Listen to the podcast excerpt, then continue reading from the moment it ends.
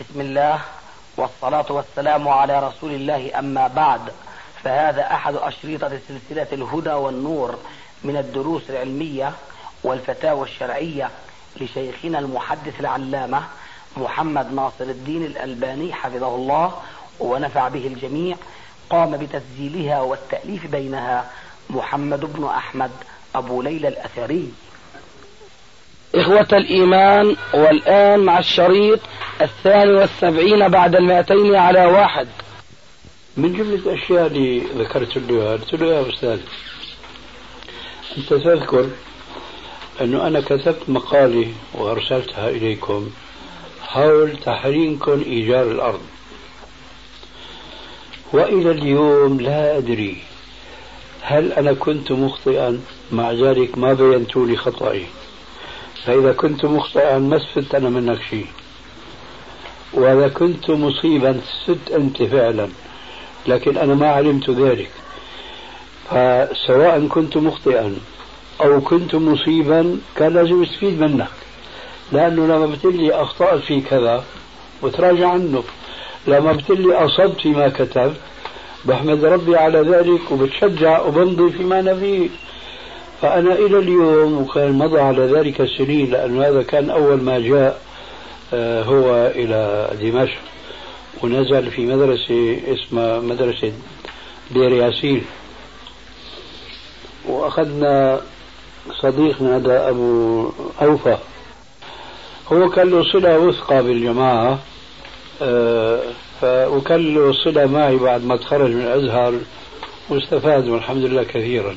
جاءني ذات يوم قال لي حزب التحرير قال لي نشرة في تحريم إيجار الأرض شو رأيك فيها؟ قلت له بدرسها بعد ما درستها قال لي شو رأيك؟ قلت له والله فيها أخطاء كثيرة قال لي شو رأيك تكتب رد عليها؟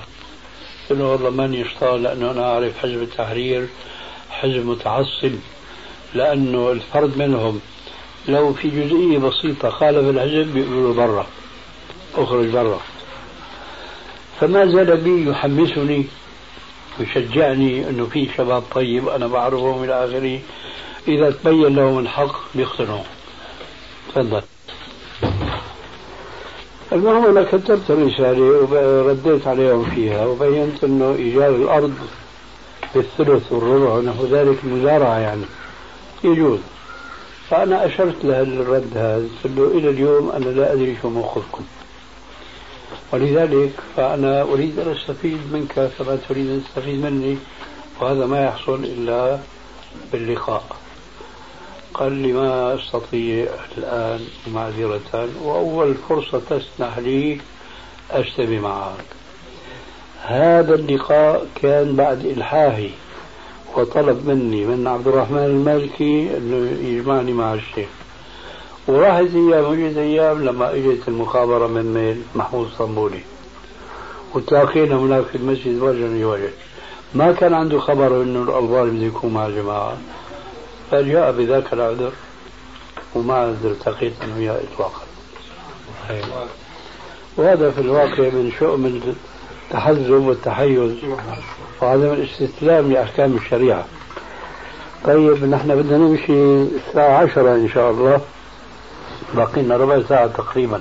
شيخنا في ورد ذكركم في المسألة وإن كان خارج شوي لكن يعني ورد شيء منها. إيه؟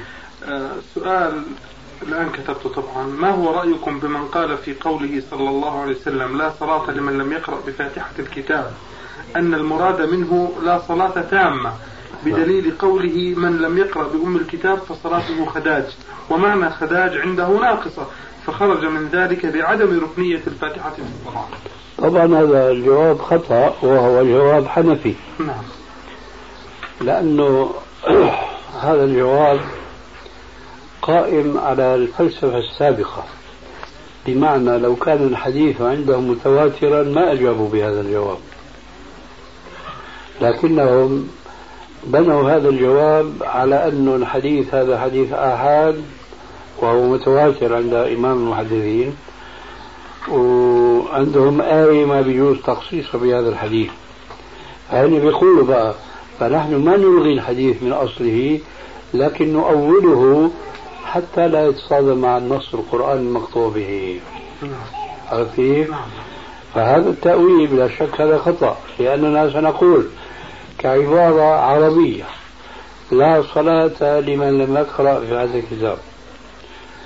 الأصل في لا أنها نافية. نافية للشيء أو لحقيقة الشيء. ليست هي موضوع لنفي الكمال إلا لقرينة. فهن بقى بيضطروا لهذا التأويل لأنه ناظرين بعينه اليمنى إلى قوله تعالى فاقرأوا ما تيسر من القرآن على أن هذه الآية دليل لفرضية القراءة وهي ما تيسر. فلولا هذه الآية كان موقفه من الحديث غير ذاك الموقف. ولولا أن الحديث مع وجود الآية لولا أن الحديث عندهم آحاد وكان متواترا ما لجأوا إلى مثل هذا التأويل. أما الحديث من لم يقرأ بصلاة بفاتحة الكتاب فصلاته خداج وصلاته خداج وصلاته خداج غير تمام.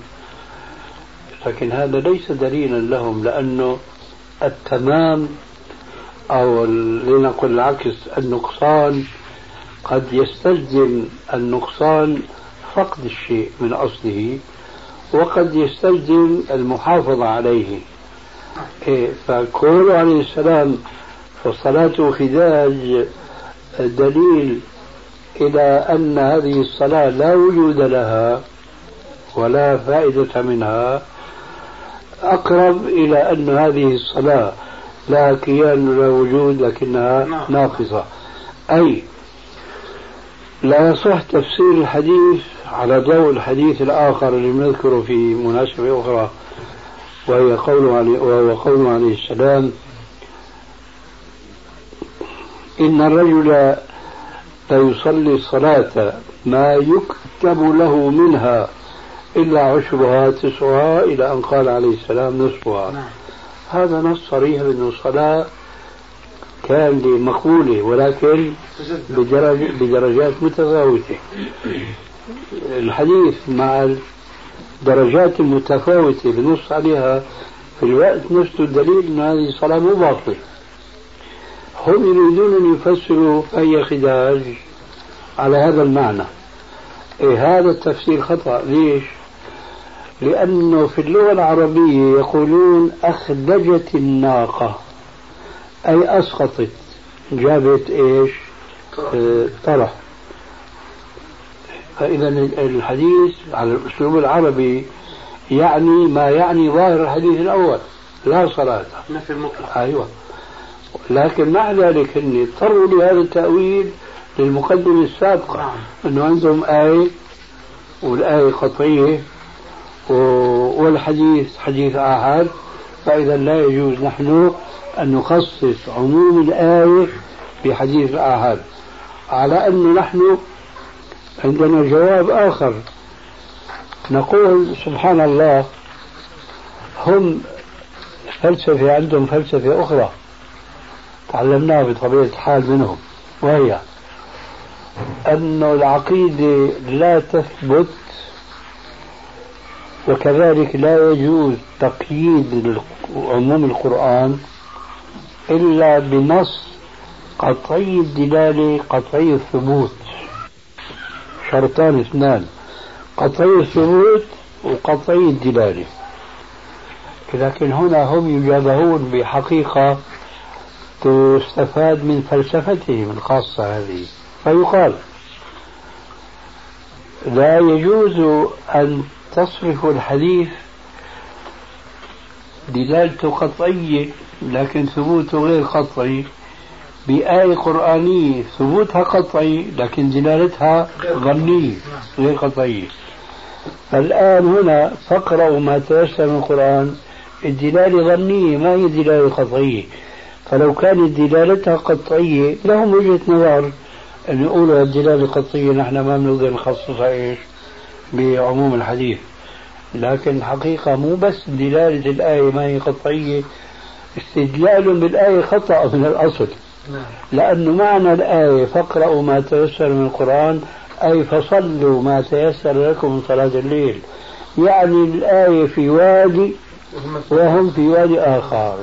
الآية موردها قيام صلاة الليل. كم ركعة؟ ما تيسر من القرآن.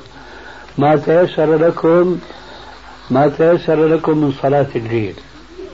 هنا كما يقول العلماء أطلق القرآن وهو الجزء فاقرأوا ما تيسر من القرآن. وأراد الكل وهي الصلاة. مثاله قوله تعالى أقم الصلاة لدلوك الشمس إلى غسق الليل وقرآن الفجر. أقم قرآن الفجر. إن قرآن الفجر كان مشهودا. أقم قرآن الفجر أي صلاة الفجر. إن قرآن الفجر أي صلاة الفجر كان مشهودا. أطلق الجزء وأراد إيش؟ الكل. أطلق القراءة وأراد الصلاة. كذلك قوله تعالى فاقرأوا ما تيسر من القرآن. لا يعني قراءة الحقيقية وإنما يعني الصلاة. أطلق الجزء وأراد الكل وهذا أسلوب عربي لبيان أهمية القراءة في الصلاة. ليبين أن القراءة في الصلاة ركن منها وأنه إذا لم يقرأ في الصلاة فليس له صلاة. بيرجع إلى الحديث لا صلاة لمن لم يقرأ في هذا الكتاب. فإذا لا تعارض بين الحديث وبين الآية لأن مورد الحديث في ما يجب أن يقرأ الإنسان في كل ركعة ومورد الآية التيسير على الناس إذا قاموا يصلوا في الليل يصلون ما يتيسر لهم. كمثل آية صلاة إيش الفجر وقرآن الفجر إن قرآن الفجر كان مشهودا. فهذا أسلوب عربي يطلق الجزء ويريد الكل ببيان أهمية الجزء. كمثل قوله عليه السلام الحج عرفة. يا ترى لو واحد راح ما سوى شيء غير وقف في عرفات هذا ما حج. لكن الرسول شو يقول الحج عرفة. أراد أطلق الجزء وأراد إيش؟ الكل. لماذا ذكر الجزء؟ لأهميته. ولذلك العلماء اتفقوا على أن الوقوف في عرفة ركن من أركان الحج. فمن لم يقف في عرفة بطل حجه. غيره؟ يسأل السائل فيقول حديث من صلى وهو مسبل إزاره فليس من الله في حل ولا حرام. هل هو صحيح؟ وإن كان صحيحا فهل يستدل به على أن صلاة المسبل إزاره فاسدة؟ ثم هل هذا القول بالبطلان قول ابن تيمية والذهبي وابن حزم وأبي بكر بن العرب وأحمد شاكر كما قال بعضهم؟ والله أنا الآن لا يحضرني يغلب على ظني أن الحديث الصواب فيه الوقت لكن ما أقطع بهذا ما بعرف تذكر شيء بهذا الخصوص ما. عندك صحيح الجامع وضعيف الجامع؟ هو حديث اللي تنطع في شيخنا في الصالحين. كيف؟ هو نفس الحديث لا هذه في يعني في رياض الصالحين لا صلاة لمسبل إزارة. ما لا يقبل صلاة الرجل المسلم أي نعم. الصواب فيه أنه موقوف لكن ما أقطع بهذا لأني غير متأكد فيحتاج إلى مراجعة الحقيقة. لكن صلاة المسبل إزاره لا يوجد ما يقتضي أن تكون صلاته باطلة لكنه آثم بلا شك لأنه إن كان يأثم آه، بإسباله لإزاره خارج الصلاة فلا أن يكون آثما بهذا الإسبال في الصلاة من باب أولى. لكن الحكم ببطلان الصلاة يحتاج إلى نص خاص. وهذا النص لا يوجد إلا في حديث ذكره النووي في رياض الصالحين وهو حديث ضعيف في رجل اسمه أبو جعفر المديني وهو مجهول.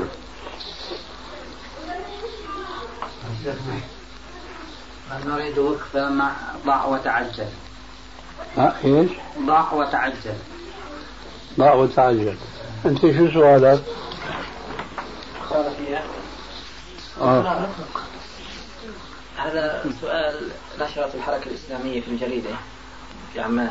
الحركة الإسلامية؟ أي نعم. من الإخوان المسلمين شيخ.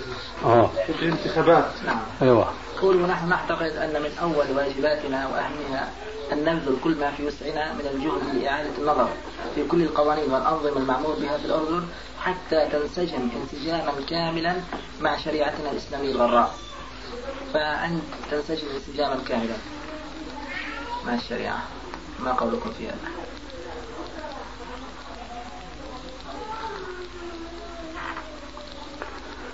طبعا هم إذا نظرنا إلى اللفظ لابد من تفسيره بمعنى أوسع مما يدل عليه اللفظ. يعني مثلا إذا كان في الأحكام القانونية أحكام لا تتعارض مع الشريعة الإسلامية. العبارة حينئذ ماشي لأن هذا الانسجام الكامل يكفي أن الإسلام ما حرم ما حرم هذاك الشيء فبيكون القانون منسجم مع الإسلام. فأنا يبدو لي أنك أنت فهمت من الانسجام يعني يطابق النصوص الشرعية الفقهية المصرح بها في الإسلام. طبعا هذا إن كان مقصودا فليس صحيحا لكن في ظني ليس هذا قصدهم. قصدهم أن لا يعارض الإسلام. ومن جملة عدم معارضة الإسلام من هذه القوانين هو أن الأصل في الأشياء الإباحة. فإذا كان هناك قانون لا يخالف الشريعة الإسلام ما يمنع من الأخذ به. واضح الجواب؟ نعم. شيخنا السؤال يعني مش الأخير لكن على رأيكم. للضرورة نعم. للضرورة. نعم. آه نقول ما هو القول في قضية الفيديو والتلفزيون من حيث الصورة؟ ثم رأيكم في رسالة التصوير التي أصدرها أخيرا الشيخ عبد الرحمن عبد الخالق في الكويت. أنا رأيي بالنسبة للفيديو ما يختلف عن رأيي في الصور لأنه هي قائمة على صور والتصوير الأصل في كل الصور ولنقل أصل في كل فيديو أنه لا يجوز لا استعمالها ولا ابتكارها ولا صنعها ولا نشرها. إلا في صور آه، أولا لا ضرر منها من أي نوع من أنواع الضرر خلقيا آه، اعتقاديا ونحو ذلك. أولا أقول وثانيا في فائدة وفي مصلحة للمجتمع الإسلامي. فلا فرق حين ذاك بين صورة يدوية فوتوغرافية صحفية وفيديو أو ما شابه ذلك. المهم النظر إلى شيئين أنها صورة والأصل فيها التحريم أنها صورة صحيح ولكن لا ضرر منها بل من ورائها مصلحة.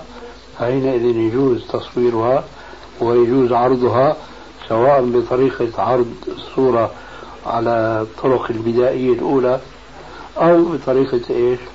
التلفزيون الفيديو أما رسالة الأخ عبد الرحمن عبد الخالق فأنا الحقيقة كرسالة ما وقفت عليها لكن كنت قرأت له مقالا أو جزء من مقال هيك قراءة سريعة في مجلة الفرقان التي يصدرونها منذ عدة شهور. آه، قرأتها قراءة سريعة جدا. ما أستطيع أن أتصور يعني الأسلوب الذي ذهب به إلى إباحة الصور الشمسية. آه، ما أستطيع أن أجزم بذلك وإن كان قائم في ذهني أنه هو يتمسك بالفلسفة العصرية أنه ليس هناك تصوير وإنما هو حبس الظل ونحو ذلك. هذا يخيل إلي أن أنه قرأته في المجلة لكن حقيقة إن كان منكم من قرأ فيذكر لي هكذا هو فعل أو جاء بشيء آخر. لا هذا هو. عبر تعبير قبل قليل شيخنا بالنسبة لموضوع الشيخ عبد الرحمن. أيوة. قال هو كأنما يكرر حجج القرضاوي في الحلال والحرام. آه هذا هو. فإذا ما في شيء جديد. فأنا رأيي في ذلك معروف وأنا أقول ما أدري الأخ سمع هذا في شريط أو لا. أنا أقول التفريق بين الصور اليدوية والصور الفوتوغرافية ومنها الفيديو وطريقة تصويرها. هذه التفريق بين هذه وهذه فالصور اليدوية حرام. والصور الفوتوغرافية ولنقل الآلية لتكون عام حلال. أنا أقول إنها ظاهرية عصرية. ظاهرية عصرية. كما أقول عن جماعة التبليغ صوفية عصرية. يعني في شيء من التطور لكن الحقيقة أنه هي الصوفية القديمة. كذلك بالنسبة للتفريق بين الصور اليدوية فهذه حرام وبين الصور الفوتوغرافية أو الآلية فهي حلال. هذه ظاهرية عصرية. لأننا كنا نعتقد أن تمسك بالظاهر بل العبارة الصحيحة نقول الغلو في التمسك بالظاهر كنا نعتقد أنه أمر مضى وانقضى. إلى أن فوجئنا بظاهرية عصرية كمثل هذه المسألة. صورة لشيخ من المشايخ يدوية. هذه الصورة حرام. لكن هذا الشيخ أخذت صورته بالآلة. هذه حلال. ليه؟ اختلفت إيش؟ الوسيلة. يا أخي تعددت الأسباب والموت واحد. المصيبة واحدة هالصورة هي إن علقناها على الجدار وهي يدوية مثلها تماما الصورة الفوتوغرافية علقناها على الجدار فالمصيبة واحدة. لا هذه صورت باليد وهذه صورت بالآلة. أنا أقول الآلة من صنعها اليد أم الرجل لا أقول الرجل. طبعا صنعها اليد بل صنعتها أيادي. كرست حياتها مديدا طويلا لإيجاد هذا الجهاز. مجرد كبسة تطلع إيش؟ الصورة. هذا يعني أعظم بكثير في مضاهاة لخلق الله. اللي هم ينفون هذه المضاهاة؟ بالنسبة للآلة إيش؟ الفوتوغرافية. وأنا كما يقال والشيء بالشيء يذكر إن أنسى فلن أنسى. سعيد رمضان تسمعون به. كان من حواري حسن البنا رحمه الله. لما جاء إلى دمشق ونزل في مركز الإخوان المسلمين التقيت معه في غرفة. ناقشنا في الدعوة وما يتعلق بها. جاء الحديث. أعطيهم الخبر والله يا أستاذ. جاء الحديث حول الصور. فهو من هؤلاء الناس اللي تأثروا بفتوى الشيخ بخيت المصري. سمعت فتواه هو أول من سن هذه السنة السيئة. فرق بين التصوير اليدوي والتصوير الفوتوغرافي. فأباح التصوير الفوتوغرافي والناس ما صدقوا.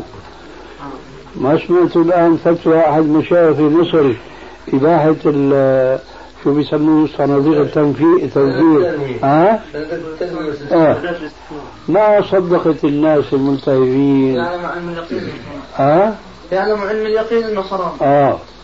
ما صدقوا يسمعوا هذه الفتوى. كذلك في ذاك الزمان ما صدقوا يسمعوا من الشيخ خير انه هذه الصور الفوتوغرافية جائزة. وبيفلسفوها وبيقولوا هي يدوية وهي فوتوغرافية. نحن نقول يا أخي هذه الصور الفوتوغرافية ما وجدت بهذه الآلة إلا بعد أتعاب مديدة وطويلة ومن رجالات مبتكرين. حتى إيش؟ تصدر الصورة بمجرد كبسة. مع ذلك كيف يقولوا حط الآلة هي إلى يوم يبعثوا ما راح تصور. لكن كويس كبسة بتصور. مع ذلك كويس الكبسة بدون ما أنت توجهها نحو الهدف ما راح تصور شو بدك تصور. إذا كيف تقول هذه فوتوغرافية يدوية أكيد أكيد عم تشتغل. بغض النظر عن الأيادي السابقة إلى آخره. الشاهد ناقشت أنا مع سعيد رمضان هذا. لما التقينا به في مركز الأخوة المسلمين في دمشق قعد يحتج بالمنطق الغريب العجيب إنه هي آلة طيب قلت له إيش رأيك؟ أنت تعلم أن هناك آه، مصانع ضخمة جدا أنفق عليها ملايين الدراهم والدنانير حتى أوجدوها. بعد ما كدت عقول ابتكروها. كبسة زر من هون بتكر عشرات الأصنام في الدقيقة الواحدة. أصنام. ما بقول بلاستيك نحاس حديد آه، ربما معادن أخرى معروفة إلى آخره. هاي حرام ولا حلال؟ ما وسع المسكين إلا يقول إنه إيش؟ حرام. قلنا له بس هي مو الإيد عملتها. هي كبسة زر لازم تكون حلال. فبهت الرجل؟ فالشاهد التمسك بأن هذه صورة يدوية وهذه صورة هذه ظاهرية ظاهرية نحن نقول ظاهرية لأنه وما يأخذ على خاطرك كونه جار كونه هناك يعني لأنه الإسلام كله جوار يعني مع بعض. هو جامد لفهم النصوص عن الإيمان فمن جمود المشهور يأتي إلى حديث أبي هريرة نهى رسول الله صلى الله عليه وسلم عن البول الماء الراكد.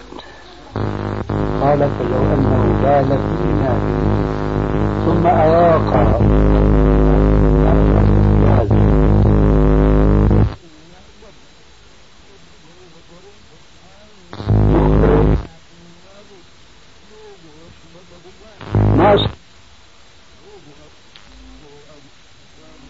قال في الإناء الفارغ. صح؟ لكن يا إمام يا أبا محمد إيش الفرق بين واحد بال في الماء الراكد مباشرة وبين واحد عمل كهريز؟ تعرف الكهريز؟ لا. يعني أنبوب أنبوب طويل كيلومترات. وشخ بلم آخر يعني بال هناك من فوق. ومش البول لوين؟ للإناء اللي فيه الماء الراكد. إيش الفرق؟ هذا ما بال في الماء الراكد. لكن كل الدروب الطاحون. تعرف هذا المثل؟ كل الدروب كل الطرق توصل إلى الطاحون. كان من هون لمن هون نتيجة واحدة يعني. فإذا هذا الجمود هو عبارة عن التمسك بالظاهر دون إمعان النظر إلى قصد الشارع. ماذا قصد الرسول حينما نهى عن البول في الماء الراكد. لا شك المحافظة على الماء إما على طهارته أو على الأقل على نقاوته. آه طهارة راحت أو على الأقل نقاوة سواء بالسبيل الأول أو بالسبيل الآخر. نتيجة واحدة كل الذنوب الطاعون لماذا حرم الشارع الحكيم الصور واقتناءها ودخول الملائكة إلى آخره؟ لما فيها من أضرار عقائدية وأخلاقية ولا فرق إذا نظرت في هذه الحكم التشريعية بين صورة فوتوغرافية وبين صورة إيش؟ يدوية.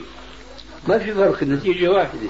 لذلك أنا أقول تفريق بين هذه الصورة وهذه هو ظاهرية عصرية. يدفع الناس إلى هذا الجمود والتمسك بهذا الظاهر إنه هذا اللي نهى الرسول. هذا الجهاز ما كان في زمان الرسول لكن نتيجة واحدة طيارة ما كانت سيارة ما كانت. واحد ما بيقدر يركب الدابة لكن بيقدر يركب السيارة بيقدر يركب الطيارة. يجب عليه الحج ولا لا يجب؟ طبعا يجب. ليه؟ لأنه استطاع إليه سبيلا يعني وجدت الوسيلة ولو ما كانت الوسيلة موجودة في زمن الرسول. كما أن آلة التصوير ما كان في زمن الرسول. لكن عم توجد لك الصورة التي نهى عنها الرسول بدليل أن هؤلاء المتكلفون هل يفرقوا بين صورة صورت باليد؟ ما في فرق النتيجة واحدة. لذلك أنا أقول تفريق بين هذه الصورة وهذه هو ظاهرية عصرية. يدفع الناس إلى هذا الجمود والتمسك بهذا الظاهر أنه هذا اللي نهى الرسول. هذا الجهاز ما كان في زمن الرسول لكن النتيجة واحدة. طيارة ما كانت سيارة ما كانت. واحد ما بيقدر يركب الدابة لكن بيقدر يركب السيارة بيقدر يركب الطيارة. يجب عليه الحج ولا لا يجب؟ طبعا يجب. ليه؟ لأنه استطاع إليه سبيلا. يعني وجدت الوسيلة ولو ما كانت الوسيلة موجودة في زمن الرسول. كما أن آلة التصوير ما كان في زمن الرسول.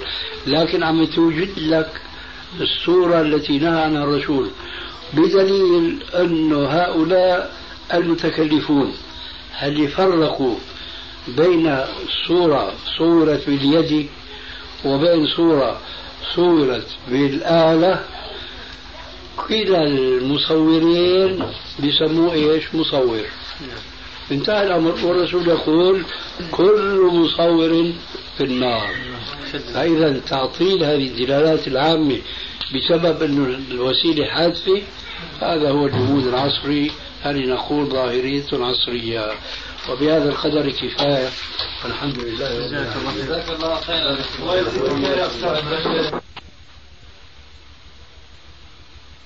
إخوة الإيمان والآن مع المجلس الثاني كما نلفت انتباهكم إلى أن معرفة السؤال الأول في المجلس يتوقف على مضمون الحديث.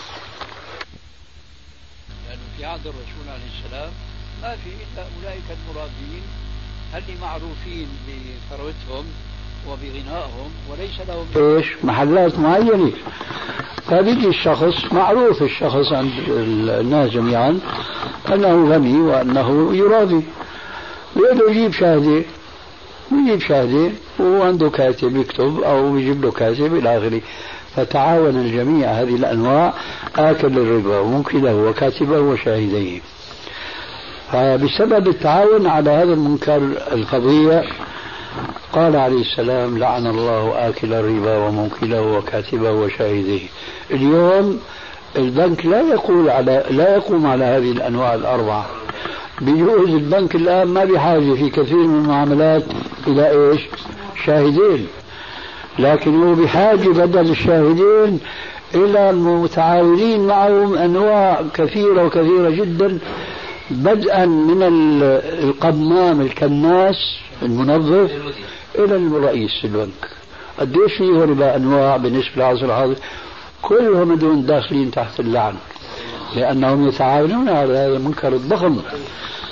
وهذا الحديث في الواقع هو نعتبره دائما من الأمثلة التي نستطيع أن نفسر بها آه، بلاغة القرآن في مثل قوله تعالى وتعاونوا على البر والتقوى ولا تعاونوا على الإثم والعدوان. فالتعامل مع البنوك إثم وعدوان على أموال الناس وعلى حقوقهم آه، بعد اعتدائهم على أحكام الله وعلى شريعة الله. إذا انظر دائما إلى نوع التعامل مع أي بنك كان. فإن كان الشرع يعطيك الجواز فهو جائز وإلا فلا. وأكثر المعاملات اليوم التي يعني تجري في البنوك هي مخالفة للشريعة ولا شك. وباختصار باختصار شديد لا يجوز التعامل إلا مع الضرورة التي تبيح للمسلم أن يأكل لحم الخنزير. تفضل الله شيخ لو سمحت الآن أنت استطعت نعم ما هو البديل؟ ما هو البديل؟ هاي المشكلة هو أهم شيء يعني.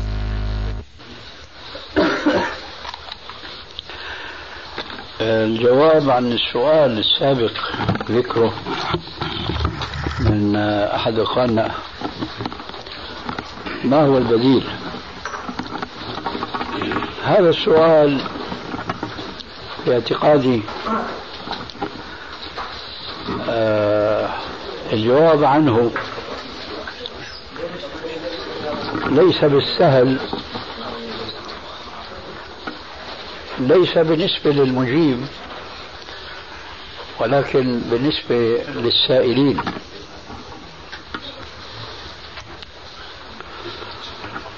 لأنه لا يخفى على جميع الحاضرين أن البنوك القائمة الآن هي ثمرة تغير نفوس المسلمين الذين وجدت بينهم هذه البنوك التي تتعامل آه، تعاملا غير إسلامي. فاذا هي أثر من آثار فساد المجتمع الإسلامي. فحينما نطلب بديلا عن هذا البنك الذي يتنافر مع المجتمع الإسلامي الحقيقي فلا يمكننا أن نوجد البديل إلا بإيجاد التبديل والتغيير كما قال ربنا عز وجل في القرآن الكريم إن الله لا يغير ما بقوم حتى يغيروا ما بأنفسهم. لأن البديل إن وجد وسوف لا يمكن إيجاده مع بقاء المسلمين على ما هم عليه. إن وجد فسوف يلفظ وسوف يهجر ولا يتعامل المسلمون معه لأنهم ليسوا مسلمين حقا ولم يشكلوا المجتمع الإسلامي الذي يتقبل هذا البديل عن البنك اللا إسلامي وموضوع تغيير النفوس المشار إليه في الآية السابقة أمر هام جدا وهو من الأمور التي لا يزال كثير من المسلمين فضلا عن الكافرين لا يعلمون أهميته وربما يعلم الحاضرون جميعا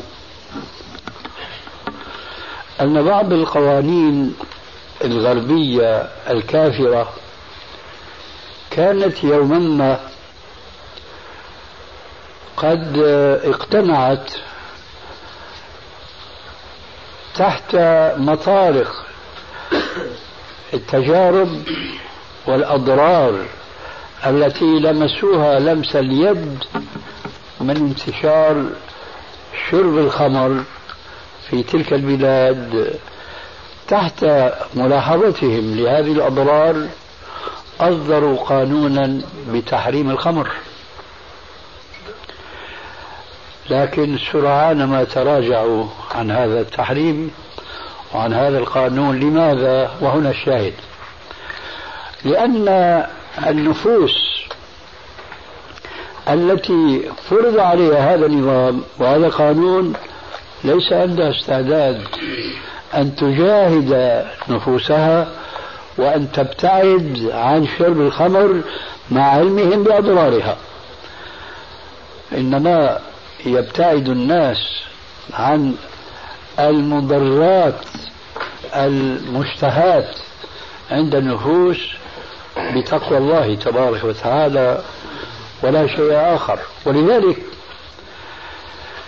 لا نزال إلى اليوم نجد كثيرا من الأطباء المسلمين يشربون الدخان. مع علمهم بأضرار الدخان بل وبعضهم يشرب الخمر أيضا وهم يعلمون أضرارها. إذا كان بعض أطباء المسلمين هكذا يشربون الخمر فماذا يقال عن الكفار؟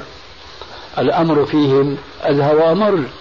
ولذلك فشرابهم الخمر ليلا نهارا والذين يسافرون أو بالمعنى الأصح يبتلون بالسفر إلى بلاد أوروبا يذكرون أن قل ما يشربون الماء وإنما يشربون الخمر.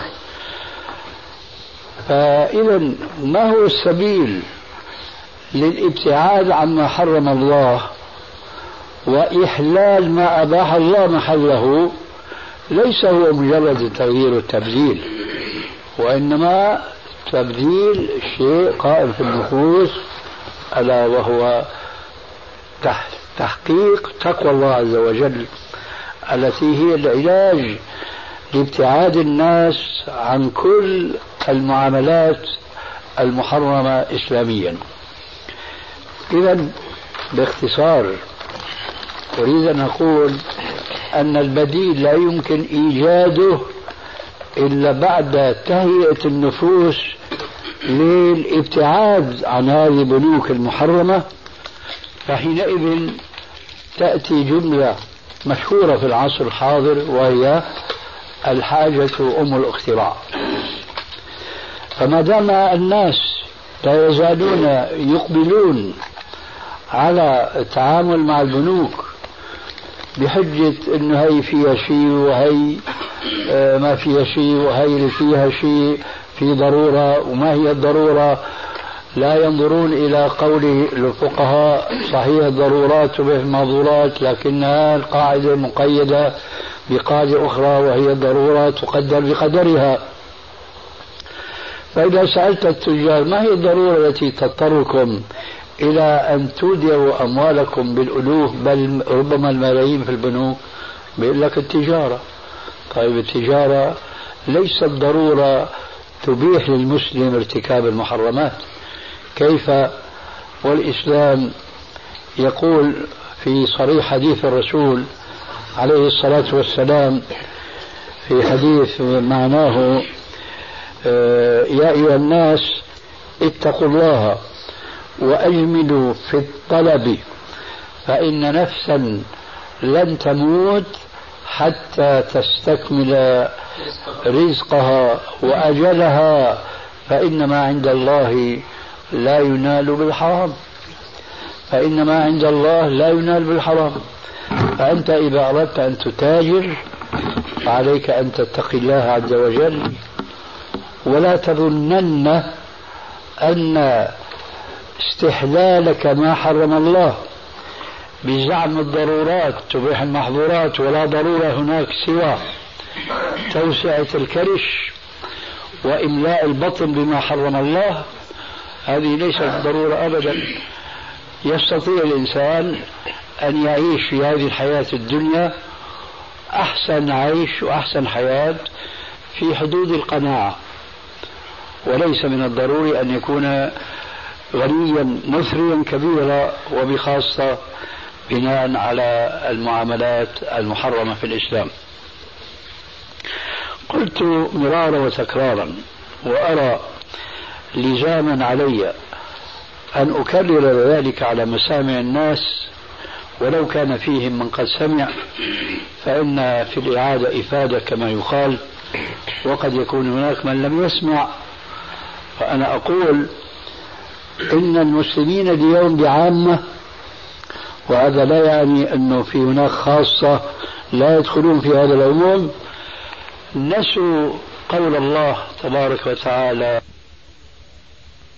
ومن يتق الله يجعل له مخرجا ويرزقه من حيث لا يحتسب. حين أقول نسوا أعني المعنى القرآني.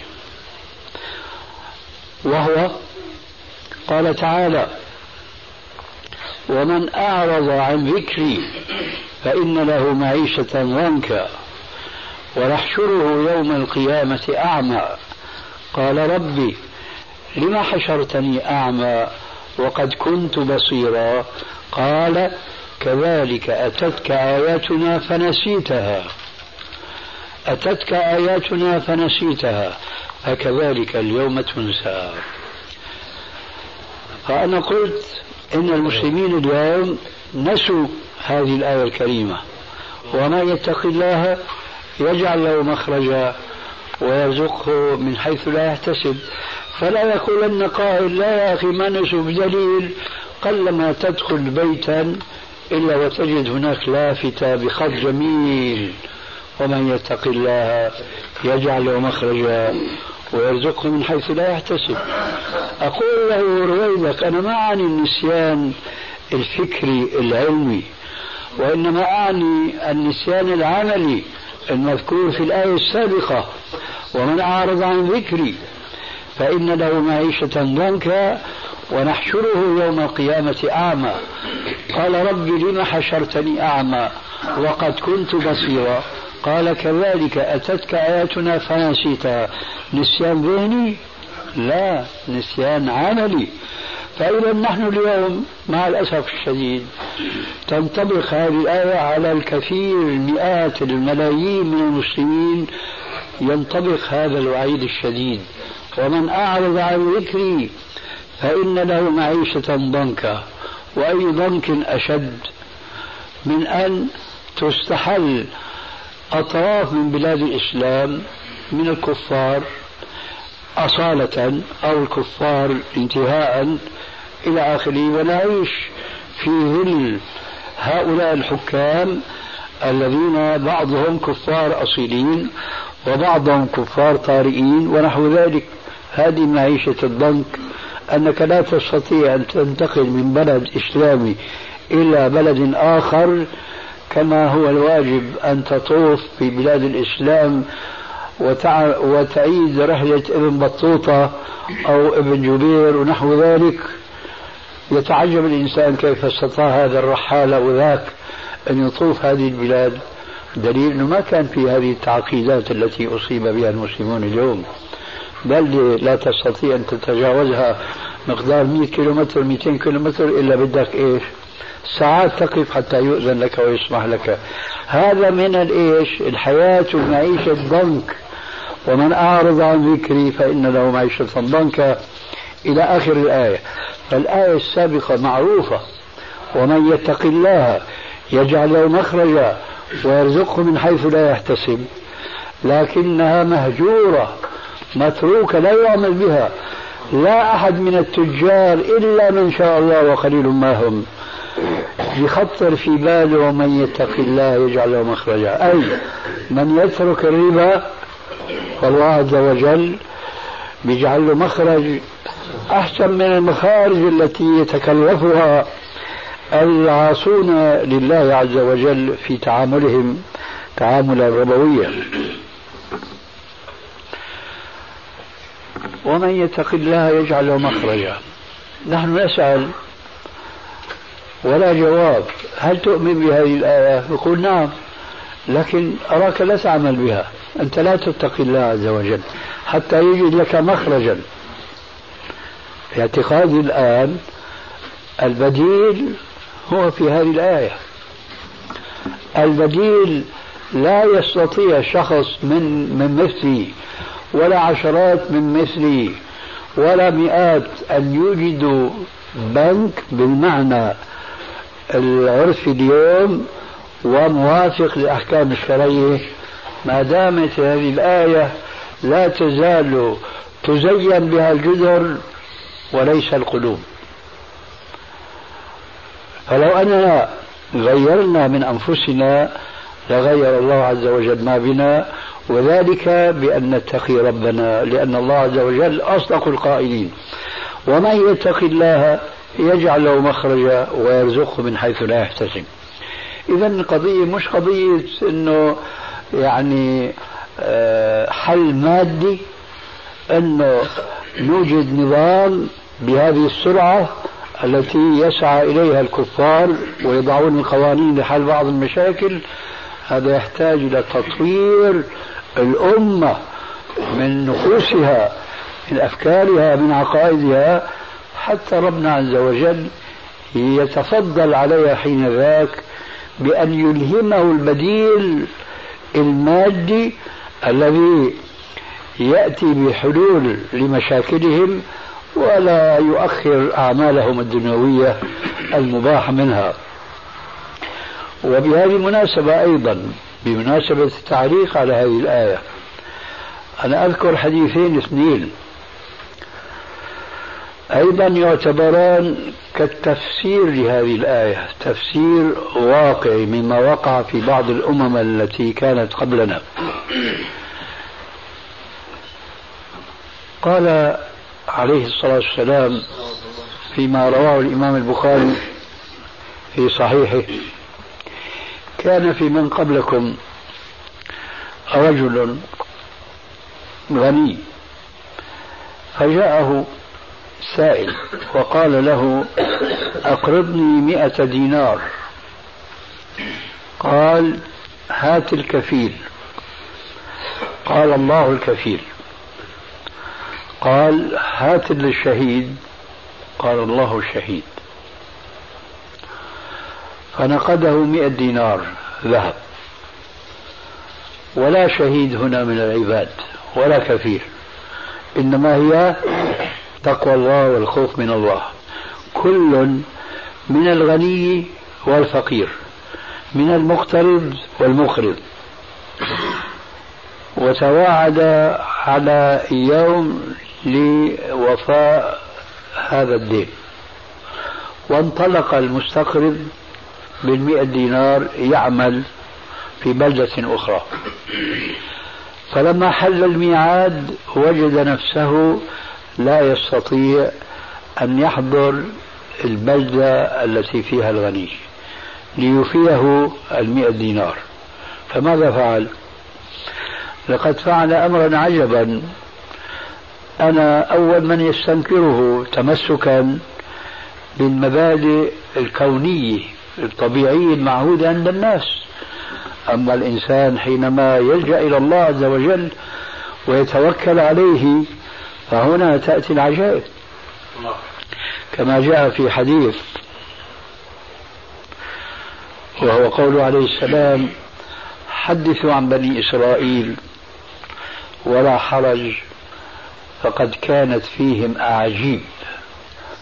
من هذه الأعاجيب هذه القصة هذا الرجل لما شعر أنه لا يستطيع أن يحضر في اليوم الموعود لدفع النقود. ماذا فعل؟ أخذ خشبة وحفرها ودك فيها مئة دينار ذهب وحشاها حشوا جيدا ثم جاء إلى ساحل البحر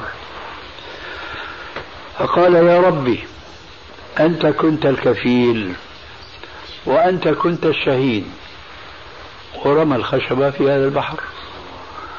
شغل دروشة شغل جنون وجنون فنون لكن إنما الأعمال بالخواتيم. شوف شو صار بالرجل. ربنا عز وجل الذي يعلم ما في الصدور ويعلم إخلاص هذا الإنسان في محاولته الوفاء في اليوم الموعود وقد فاته بينه وبين البلد ما شاء الله من مسافات. فتوكل على الله حق توكله ثم أتى بسبب باستطاعته هذا السبب لكن ليس هو كل السبب. ما في عنده بريد مسجل كما هو اليوم موجود أو بريد سريع أيضا إلى آخره. فدك هذه الخشبة هي دك في هذه الدراهم وهذه النقود. ورماها في البحر متوكل على الله. أنت كنت الكفيل وأنت كنت الشهيد. يعني يا ربي ما شغلتك ما شغلتي أنا. أنا هذا اللي بيطلع بإيدي. ربنا عز وجل بقدرته التي لا حدود لها أمر الأمواج أن تأخذ هذه الخشبة إلى البلدة التي فيها الدائن الغني. وخرج الدائن في اليوم الموعود. ليتلقى صاحبه المدين. لكن عبثا. الرجل لا يزال في تلك البلدة التي كان يعمل فيها. ووقع بصره على خشبة بين يديه تتقاذفها الأمواج وتتلاعب بها يمينا ويسارا فألهم أن يمد يده إليها وإذا هي ثقيلة. الأمر الذي جعله يحس بأن الخشبة هذه مش خشب فوق فاضي لا صامدة وملالي أخذها إلى الدار كسرها وانهارت إيش؟ المئة دينار ذهب. تعجب الرجل. ثم جاء المدين بعد الوعد. انظر الآن الإخلاص في الوفاء من جهة وعدم الاعتماد على ما فعله. أنتم بتسمعوا يمكن أن الصوفية بيقولوا فلان أخذوا الحال. أنا بنكر هذا الشيء لكن في له معنى هذا الكلام. لازم تعرفوا معي. قضية أنه الإنسان أحيانا بيأخذ الحال هذا مش مستنكر أبدا لأنه الإنسان أحيانا لازم ينفصل عن الوجود المادي هو بارتفاعه إلى الأعلى واتصاله بالملأ الأعلى. هذا الرجل لما ألقى الخشبة وفيها المئة دينار بلا شك هذا أخذ الحال. فنحن اسمح لي فنحن نقول بيقولوا الصوفية أخذوا الحال يعني هذاك جنان عم يذكر الله وأخذوا الحال؟ لا. هذا أخذ الحال. هنا أخذوا آه، شعوره بأنه يجب عليه أن لو كان له أجنحة أن يطير إلى تلك البلد من أجل ماذا؟ أن ينقذه النقود وفاء بالوعد لكن مش طالع بإيده. إذا شو بيساوي؟ أه؟ لا جود إلا بالموجود. هذا اللي بيطلع بإيده. دك النقود في الخشبة ورماها إلى آخره لكن الحال هذا اللي أخذه ما استمر معه فهو بيرجع للوضع الطبيعي. والوضع الطبيعي يعبر عنه لما جاء عند صاحبه تجاهل كل شيء فعله. وأخرج من جيبه نقد 100 دينار. لو كان بده يعتمد على ذاك الفاعل كان بيقول له أنا بعثت لك بالبريد الإلهي 100 دينار. لعله وصلك شو بيعرفوا؟ هي قضية خارجة عن طوق الإنسان شايف؟ ولذلك تجاهل الموضوع ونقض 100 دينار. هذا بلا شك منتهى الوفاء والإخلاص والعمل بالوسائل المادية والوسائل إذا صح تسميتها الروحية أو الإلهية. جمع بين الأمرين ورجع إلى النظام المعتاد فنقده 100 دينار. انظروا الآن موقف الدائن ليذكرنا بالمثل السائر إن الطيور على أشكالها تقع. لو واحد من الأغنياء اليوم إجا بهذا البريد الإلهي الذي لا مثيل له 100 دينار بحطهم بهيبته أو بخزانته. ولما بيجي المدين بيدفع له بيقول له جزاك الله خير. لأنه هذا المدين ما بيقدر يقيم الحجة عليه إنه أنا بعثت لك 100 دينار كما نفعل نحن اليوم بطاقة مستردة إنه أنا بعثت لك. ما في شيء من هذا. فوق الأسباب الكونية الطبيعية اللي وقع. لكن هذا الغني مثل هذا المدين. كلاهما في الخوف من الله وفي تقوى الله سواء. ماذا فعل؟ قال له يا أخي أنا يوم الميعاد خرج لي استقبالك وتلقيك ما أجيت لكن وجدت خشبة فأخذتها وكسرتها ووجدت فيها مئة دينار. شو القصة؟ قال له والله القصة كذا وكذا. حكى له قصة. رد له المئة دينار وقال له بارك الله لك في مالك. هي تفسير لقوله تعالى ومن يتق الله يجعل له مخرجا. يعني سخر الله لهذا الإنسان البحر الموج. إخوة الإيمان تتمة الكلام في الشريط التالي. الصخات هذه البواخر إذا شفتوها الضخمة كأنها بلد تمشي في البحر. ربنا عز وجل سخر هذا الموج لهذا الإنسان المتقي. التقوى الله عز وجل تأتي بالعجائب لكن نحن مع الأسف اليوم ما عدنا نحس بأثر التقوى إلا نادرا نادرا جدا. الحديث الثاني اللي أذكره بهذه المناسبة وهو معجزة وآية أيضا أخرى تؤكد أثر تقوى المسلم لله عز وجل وكيف أن ربنا يسخر له الكون. قال عليه السلام خرج رجل ممن قبلكم يمشي. فسمع صوتا من السحاب. صوت من السحاب حتى في زمن استعلاء الطائرات على السحاب. لا يمكن أن نسمع صوت البشر